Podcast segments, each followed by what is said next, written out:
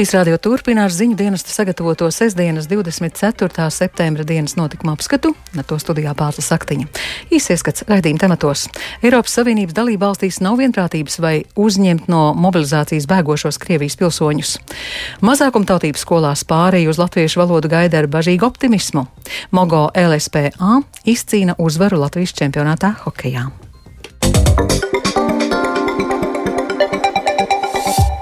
Eiropas Savienībā vēl nav kopīgs skatījums uz Krievijas pilsoņiem, kas atsakās pakļauties Krievijas prezidenta Vladimira Putina izsludinātajai daļējai mobilizācijai un steidz pamest Krieviju. Tomēr gaidāms, ka diskusijas sāksies un Eiropas Savienības dalībvalstu sūtņi pirmdien sapulcēsies uz ārkārtas sēdi Briselē, lai saskaņotu rīcību attiecībā uz Krievijas pilsoņiem, kas atsakās pakļauties daļējai mobilizācijai un doties karot uz Ukrainu. Plašāk stāsta Rihards Plūme.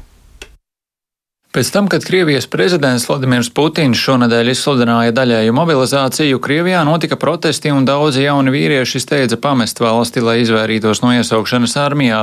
Eiropas Savienības dalībvalstu reakcija uz šiem notikumiem pagaidām nav saskaņota, un katra valsts nākusi klajā ar saviem nacionāla līmeņa paziņojumiem. Latvijas ārlietu ministrs Edgars Trinkēvičs no jaunās vienotības sociālajos tīklos pēc Putina paziņojuma par mobilizāciju paziņoja, ka drošības apsvērumu dēļ Latvija neizsniegs humānās vai cita veida vīzes vīzas tiem Krievijas pilsoņiem, kuri izvairās no mobilizācijas, kā arī nemainīs kopš 19. septembra ieviestos robežu šķērsošanas ierobežojumus Krievijas pilsoņiem ar Schengenas vīzām. Tikmēr Igaunijas premjera Kaja Kalasa uzsvērusi, ka izvairīšanās no mobilizācijas nav pamats, lai tiktu piešķirts patvērums. Äh, jah, äh, Eesti äh, on osa ka rahvusvahelistest kokkulepetest. Jā, Igaunija ir daļa no starptautiskiem līgumiem, bet patvērumu pieteikumu pamats pat saskaņā ar starptautiskajām tiesībām nevar būt bēgšana no militārā dienesta. Protams, ja šie pieteikumi tiek iesniegti, tie ir attiecīgi jāizskata, bet patvērumu piešķiršanai nav pamata. Lietuva oficiāli paziņojusi, ka nedos patvērumu Krievijas pilsoņiem, kuri bēg no mobilizācijas. Premjera Ingrīda Šimanīte norādījusi, ka katra persona ir jāvērtē pamatojoties uz viņa tikumiem, pamatojoties uz riskiem, ar kuriem viņš saskaras, un viņa paša nostāju, kurai jābūt konsekventai. Buvo nemažai laiko vis dėlto žmonėm apsispręsti, tai Taču viņa uzsvēra, ka glābt visus krievus no mobilizācijas nav ne Lietuvas, ne citu kaimiņu valstu pienākums. Seima deputāts Laurīns Kaščūns tikmēr norādīja uz drošības riskiem. Klausimas, kaip to gali pasinaudoti įvairios Rusijos speciālās tarnybos? Jautājums ir, kā dažādi Krievijas slepenie dienesti varētu izmantot situāciju. Krievijas FSB virsnieki stāv blakus ārējām robežām. Krievijas robežsargi ir daļa no FSB. Viņi varētu iesaistīties visdažādākajās manipulācijās, tikmēr cilvēki, kas ieceļo mūsu valstīs, varētu būt potenciālie sabotieri, radīt citas drošības problēmas. Mēs nevarēsim kontrolēt šīs lietas, ja ļausim viņiem iekļūt. Arī Čehija paudusi, ka neizsniegs humanās vīzes Krievijas pilsoņiem, kas izvairās no mobilizācijas. Polijas iekšlietu ministra vietnieks Macējs Vasiks piekdien intervijā radio paziņojis, ka Polija nedos patvērumu Krievijas pilsoņiem, kas atsakās pakļauties mobilizācijai. Viņš norādīja, ka nav iespējams ātri pārbaudīt, vai persona, kura apgalvo, ka vēlas izvairīties no mobilizācijas, patiesībā nestrādā Krievijas izlūkdienestos. Tikmēr vairāki vācu ministri ir paziņojuši, ka Vācija ir gatava uzņemt Krievijas dezertierus, kuri bēg no mobilizācijas. Iekšlietu ministre Nencija Fēzera norādījusi, ka dezertieri, kuriem draud nopietnas represijas, kā likums var iegūt starptautisko aizsardzību Vācijā. Bet tieslietu ministrs Marko Bušmans Twitterī paziņoja, ka jebkurš, kurš ienīst Putina ceļu un mīl liberālo demokrātiju, ir laipni gaidīts Vācijā. Vācijas valdības preses pārstāvis Stefens Hebestreits gan izteicies, ka Vācijas valdība vēlas tuvākajās nedēļās Eiropas Savienības līmenī vienoties par kopīgu skatījumu uz Krievijas pilsoņiem, kas atsakās pakļauties mobilizācijai. Pagaidām nedz Vācijā, nedz Eiropas Savienībā nav plānota īpaša uzņemšanas programma vai tā sauktās humanās vīzes Krievijas pilsoņiem, kas atsakās iet kara dienestā. Eiropas komisijas preses pārstāve gan ceturtdien paziņoja, ka Krievijas pilsoņiem, kas vēlas izvairīties no daļējās mobilizācijas, ir tiesības lūgt patvērumu patvērumu Eiropas Savienībā.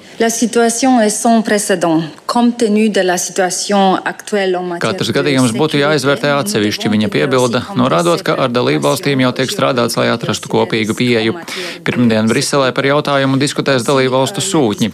Sanāksmē uzstāsies eksperti un tiks ņemtas vērā dažādu valstu perspektīvas un bāžas. Pagaidām dalībvalstis ir tālu no vienprātības, kā rīkoties šajā situācijā. Rihards Plome, Latvijas radio. Nākamā ceturtdiena saima galīgajā lasījumā paredzējusi pieņemt izmaiņas izglītības un vispārējās izglītības likumos, lai pārietu uz mācībām valsts valodā pirmskolā un pamatskolā, sākot jau no nākamā mācību gada. Vai skolotāju un ģimenes šim ilgi apsvērtajam solim ir gatavi un kā šo reformu iecerējusi veikt ministrija? Par to Ievas Puķis ierakstā. Мы готовы, а детям будет тяжело, потому что в семье Mēs esam gatavas pārmaiņām, bet mūsu bērniem būs grūti, jo mājās runājam krieviski un arī tagad ar jums. Karinu un Oļesju sastop pie Daugaugrības pamatskolas. Viņu meitas iet otrajā klasē. Viņi vēl ir mazi, tā kā domāju, viss būs labi. Un arī mēs mājās pie viena uzķersim valodu. Arī mammas mācījušās krievu valodā. Viena ģimene dzīvo netālajā Bolderājā, otra tepat Daugaugrīvā. Salā, ko no Rīgas atdala buļļupe. Padomju laikos te bija militārā zona. Un arī šodien Daugaugrības iedzīvotāji apgrozās noslēgtā vidē, ielās skan krievu valoda. Šādā lingvistiskā izolācijā iespējams atrodas ne tikai Karins un Oļesijas bērni, bet arī daudz citi no vairāk nekā 43 tūkstošiem Latvijas mazākumtautību skolēniem. Daugaugrības pamatskola ir viena no 118 mazākumtautību skolām, tomēr arī viena no 99, kas jau daļēji īsteno programmu latviešu valodā. No nākamā gada 1. septembra paredzēts, ka 1, 4 un 7 klase visās mazākumtautības skolās stundām sekos tikai valsts valodā. Vēl pēc gada radikālajai pārmaiņai jābūt gatavām 2, 5 un 8 klasē. Tālāk likumsakarīgi 3, 6 un 9 klasē, skaidro Izglītības un zinātnes ministrijas vecākā referente Olita Arkle. Ministrija plāno kampaņu par pārēju uz mācībām valsts valodā un adresāts būs skolēni, vecāki, pedagogi, skolu vadība.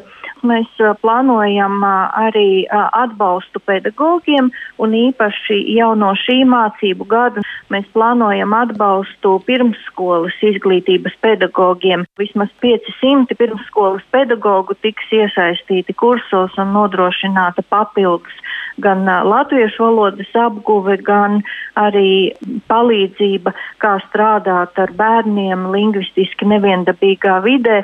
Valsts valodas centrs norādījis, ka 114 Latvijas mazākuma tautības skolu pedagoģi diemžēl joprojām nespēja lietot valsts valodu profesionālo pienākumu veikšanai. Daugaugrības pamatskolā strādā 42 pedagoģi, un arī ar valsts valodas prasmi viss esot kārtībā. Direktors vietniece Viktorija Krongorne, kura pati uzaugusi bilinguālā ģimenē, paziņo, viņas krievu kolēģi mācībām latviešu valodā ir sagatavojušies. Mēs spēsim realizēt un esam gatavi šīs jau ir e, ļoti ilgi vilcies šī ideja par pārēju uz latviešu valodu. Ja mēs runājam par problēmām, ir maz valodas nesēji. Mūsu skolā ir desmit priekšmets pasniedz cilvēki, kam e, dzimtā ir latviešu valoda. Tas ir ļoti labs rādītājs. Ja ikdienā vairāk dzirdētu tīru latviešu valodu, vieglāk gan skolotājiem, gan arī skolēniem.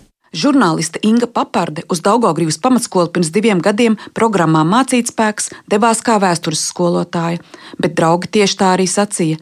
Aizgāja strādāt par latvieti. Viņa gatava mest akmeni politiķu dārziņā. Vienu brīdi mazākuma tautību bērniem ir jāmācās bilinguāli, Pēc tam daļa priekšmetu jāapgūst latviešu, daļa dzimtajā valodā. Tagad strikta pārēja uz latviešu valodu un nulle komunikācijas. Inga Paparde secina. Kritiskais punkts, ko es redzu, ir uh, gan pašu bērnu gatavību mācīties tikai un vienīgi latviešu valodā, jebkuru priekšu, un otrām kārtām arī vecāku atbalstu, jo arī tagad nereti es saņemu tādus komentārus no vecāku puses, ka, bet mums bērns jūsu stundās neko nesaprot. Nākamnedēļ tiek gatavots ne tikai izšķirošais saimnes balsojums par latviešu valodu visās skolās, bet arī Izglītības un zinātnes ministrijas konsultatīvās padomas sēde mazākumtautību jautājumos, uz kuru uzaicinās gan skolēnus, gan vecākus, gan arī skolotāju pārstāvis, lai lemtu, kā vislabāk realizēt pārēju uz mācībām latviešu valodā. Ieva Puķa, Latvijas radio.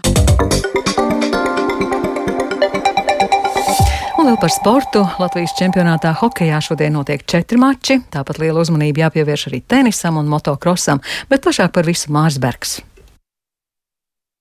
Latvijas čempionātā hokeja šodien uzreiz četras spēles, bet divas no tām jau ir noslēgušās.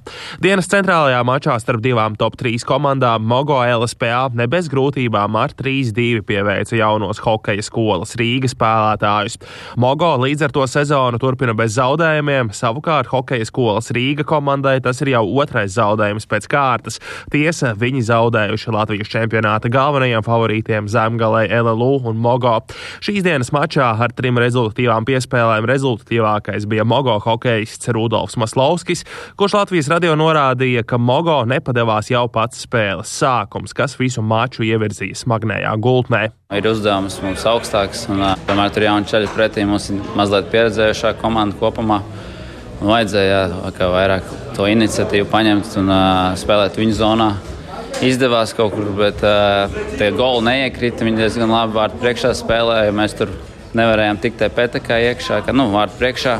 Un, tad, bet, nu jā, noturējām, noturējām un nu, smagi, kā teica, smagi uzvarējām. Pēc mača ļoti kritisks bija hokeja skolas Rīga galvenais treneris Oļegs Rokins, kurš pauda, ka abas komandas spēlējušas slikti, savukārt viņa padotajiem krietni vien jāpieliek, domājot arī par iekļūšanu Latvijas U-18 izlasē. Ļoti nepatīk kvalitāte. Un īstenībā abas komandas bija drausmīgas. Šodien mēs bijām vēl, ja zaudējām, tad bijām vēl drausmīgāk. Tad man, man nepatīk tā kvalitāte. Man nepatīk tas, ka, kā mēs spēlējam. Skaidrs, ka tā ir arī liela mana atbildība. Nu, strādāsim, domāsim, ko un kā darīt īstenībā. Bet uh, kvalitātei jābūt pilnīgi citā līmenī. Ja mēs gribam, ja lielākā daļa no šiem puišiem grib tikt 18 izlasē, un ja mēs gribam spēlēt veiksmīgi virslīgā. Dienas agrajā spēlē ļoti rezultatīvā cīņā Kaunis hokeisti savā laukumā ar 9-5 apspēlēja prizmu. Šobrīd vēl turpinās divas spēles. Dienāmo Rīgā aizvada izbraukuma spēli Lietuvas pilsētā Elektrēnos, savukārt Zemgala LLU savā laukumā Jālgavā spēkojas ar Daugopils Dīnaburgu.